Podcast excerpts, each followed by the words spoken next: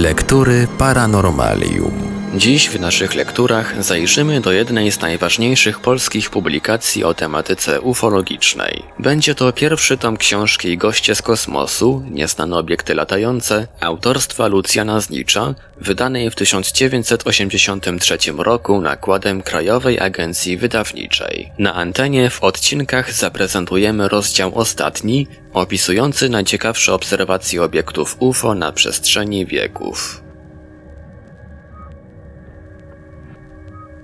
Przed nami już mroczne lata średniowiecza. Czy zdajemy sobie sprawę z tego, jak dalece cofnęliśmy się? Bliski i Środkowy Wschód, czyżby historia istotnie kołem się toczyła? Pod sztandarami wojującego islamu wyrusza na podbój świata. Świat to jednak niewielki, Afryka i Europa. O istnieniu jakichś organizacji państwowych na Dalekim Wschodzie dochodzą tylko mętne wieści przywiezione przez Marco Polo. Istnienia całego kontynentu na Dalekim Zachodzie, za Oceanem Atlantyckim oraz rozwijających się tam zagadkowych kultur nikt w Europie nawet nie przeczuwa. Tworzące się zaledwie narody Europy mają co innego na głowie. Raz po raz przedsiębrane wyprawy krzyżowe, w których pod symbolizującymi życie wieczne znakami krzyża i półksiężyca toczą się śmiertelne walki o supremację nad światem doczesnym. Czas błędnych rycerzy i turniejów, cudów i czarowników. Czas nierealny i nieprawdziwy, płynący, jeszcze zgodnie z kalendarzem juliańskim, wolniej o kilkanaście dni od rzeczywistego czasu astronomicznego. Trzeba dobrze przeryć niesamowitą, wciąż wzrastającą stertę osypujących się w historię zdarzeń, które wstrząsnęły losami całych cywilizacji i kultur, by jeszcze i stamtąd, z tej głębokiej przeszłości, wyłowić interesujące nas fakty. Spod coraz grubszej warstwy kurzu dziejów, już tylko najbardziej niepospolite, zaskakujące swą niezwykłością zdarzenia, świecą do dziś jeszcze takim blaskiem, że potrafimy je zauważyć i odgrzebać.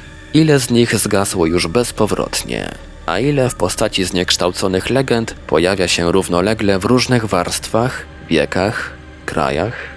Christopher w wydanej w 1962 roku książce pod tytułem Panorama of Magic wspomina o istnieniu dwóch ciekawych ilustracji pochodzących z końca średniowiecza. Jedna z nich wykonana została w 1404 roku przez Józefa Ulma, druga zaś jest anonimowym, pochodzącym najprawdopodobniej z około roku 1470 drzeworytem. Obie przedstawiają ten sam lub podobny motyw. Tłum ludzi, nad których głowami przelatuje księżyc w kształcie spotka. Z tego mniej więcej okresu pochodzą trzy informacje z kronik dalekiej Japonii. 2 stycznia 1458 roku w Polsce toczy się właśnie 13-letnia wojna z krzyżakami. Pojawił się na niebie obiekt podobny do księżyca, przy czym zjawisku temu towarzyszyły dziwne znaki na niebie i ziemi. 17 marca tegoż roku na niebie w Kyoto pojawiło się nagle pięć gwiazd, które krążyły wokół księżyca. Zmieniły one trzykrotnie kolor i nagle znikły. I wreszcie 8 marca 1468 roku o północy z nad góry Kasuga przeleciał w kierunku zachodnim ciemny obiekt wydający głos podobny do toczącego się koła. Także opublikowana dopiero w roku 1950 kronika opactwa Ampleforth w Anglii zawiera pewną bardzo zagadkową notatkę. Oto pod rokiem 1290, przypomnijmy sobie, w Polsce dopiero za 10 lat książę Władysław Łokietek rozpocznie walkę o zjednoczenie kraju rozbitego na dzielnicowe księstwa. Właśnie opat Henryk jął czynić przygotowania do odprawienia mszy świętej, gdy przybył jeden z braci, Jan, a rzekł, i że na dworze dzieje się rzecz dziwna. Wszyscy tedy wyszli na dwór, a patrzyli, a ujrzeli wielkie srebrzyste ciało i kształt jego był jako dysk. Przeleciał on powoli nad przytomnymi, czyli obecnymi, a wzbudził wielki ich strach. Wtedy opat Henryk ogłosił, że to zapewne Wilfred jest cudzołożnikiem, a grzeszy jedną udawaniem pobożności. Jeszcze bardziej dramatyczny przebieg miało podobne niewyjaśnione zjawisko zaobserwowane 19 lat przedtem w Japonii. 12 września 1271 roku, właśnie w momencie, gdy w Tatsunokuchi, w pobliżu Kamakury, miała się odbyć egzekucja znanego kapłana Nichirena, nad zgromadzonymi tłumami pojawiły się nagle obiekty, które kształtem przypominały księżyc w pełni. Zjawisko było tak niesamowite, że wszyscy wpadli w panikę i runęli do ucieczki, a egzekucja kapłana nigdy się już nie odbyła. W roku 1250 Polska toczy wówczas raz po raz boje z zagonami docierających aż z Mongolii Tatarów. Nad Anglią widziano olbrzymi statek oraz ognistą kulę. W roku 1235 jest to już słynny okres Kamakura w Japonii, Wódz Yoritsume wraz z całą armią przez całą noc 24 września obserwował dziwne światła kołujące i robiące pętle na niebie. W kronikach japońskich zapisane zostało, iż według Yoritsume to wiatr poruszał gwiazdami. W roku 1209 mnisi z opactwa Byland w Anglii znów zanotowali informację o ogromnym srebrnym dysku, który powoli przeleciał nad nimi i spowodował tak wielkie zamieszanie, iż przerwano codzienne czynności klasztorne. W tymże zresztą roku także cystersi z opactwa Bageland zanotowali w swych kronikach aż dwie tego typu wizyty. 3 sierpnia 989 roku, jest to zaledwie 23 lata po chrzcie Polski, kroniki japońskie zanotowały, iż na niebie pojawiły się trzy okrągłe ciała o niezwykłej jasności, które po pewnym czasie połączyły się razem. Kilkadziesiąt lat wcześniej, w roku 927, mieszkańcy miasta Verdun, a także wielu innych miast wschodniej Francji, widzieli ogniste armie ukazujące się na niebie. Kronika Flodarda podaje, że przeleciały one w tymże roku nad Rę w niedzielę rano w miesiącu marcu.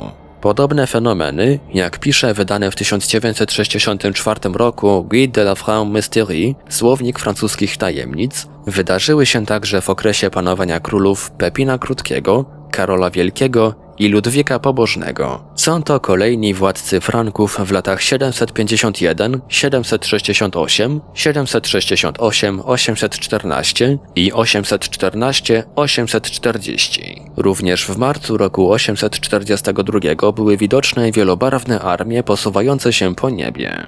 Także zakonnik benedyktyński Roger z Wendover w swej pracy Flores Historiarum pod rokiem 796 zapisał następującą notatkę. Widziano w różnych częściach Anglii małe kule, które krążyły wokół Słońca. Jest również kilka informacji tego typu z okresu panowania Karola Wielkiego. I tak Annales Lorizin zawierają ciekawy opis Nol z roku 776, gdy Saksończycy oblegli rycerzy Karola Wielkiego w Sigiburgu. Teraz, gdy Saksończycy ujrzeli, iż sprawy nie idą po ich myśli, czytamy tam, rozpoczęli montować rusztowania, z których mogliby podjąć śmiały atak na zamek. Jednak Bóg okazał się dobry, tak jak tego oczekiwano. Pokonał ich zuchwałość i tego samego dnia, gdy przypuścili szturm przeciwko chrześcijanom, którzy znajdowali się wewnątrz zamku, chwała boska objawiła się w zjawisku nad kościołem znajdującym się wewnątrz fortecy. Ci, którzy czuwali wokół zamku, w którym tak wielu do tego dnia spokojnie żyło, mówili, że ujrzeli coś na podobieństwo dwóch dużych tarcz koloru czerwonego, lecących ponad kościołem. A gdy poganie, którzy byli na zewnątrz ten znak ujrzeli, wpadli natychmiast w zamęt i przerażenie i z wielkim strachem poczęli uciekać spod zamku.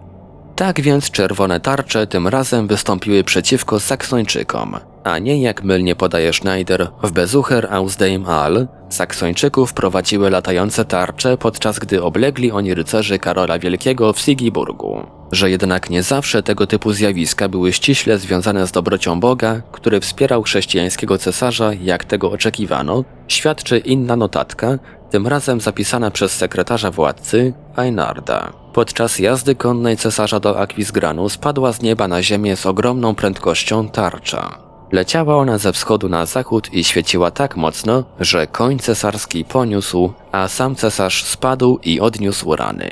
Również w czasach jeszcze wcześniejszych w Anglii latające po niebie różnego rodzaju niezwykłe zjawiska nie były czymś szczególnie rzadkim. Zakonnik benedyktyński z Wearmouth, ojciec historii angielskiej, Beda Venerabilis, żyjący w latach 672 do 735, w swej pracy noszącej tytuł Historia Ecclesiastica Gentis Anglorum, aż pięciokrotnie wspomina o latających po niebie jakichś obiektach. I wreszcie, najdawniejsza to już wieść ze średniowiecza, Grzegorz Sturz w dziele pod tytułem Historia Francorum pisze dosłownie – w roku 583 dosyć jasno świecąca kula przeleciała nad ziemiami Franków. Wieść najdawniejsza, czy jednak ostatnia?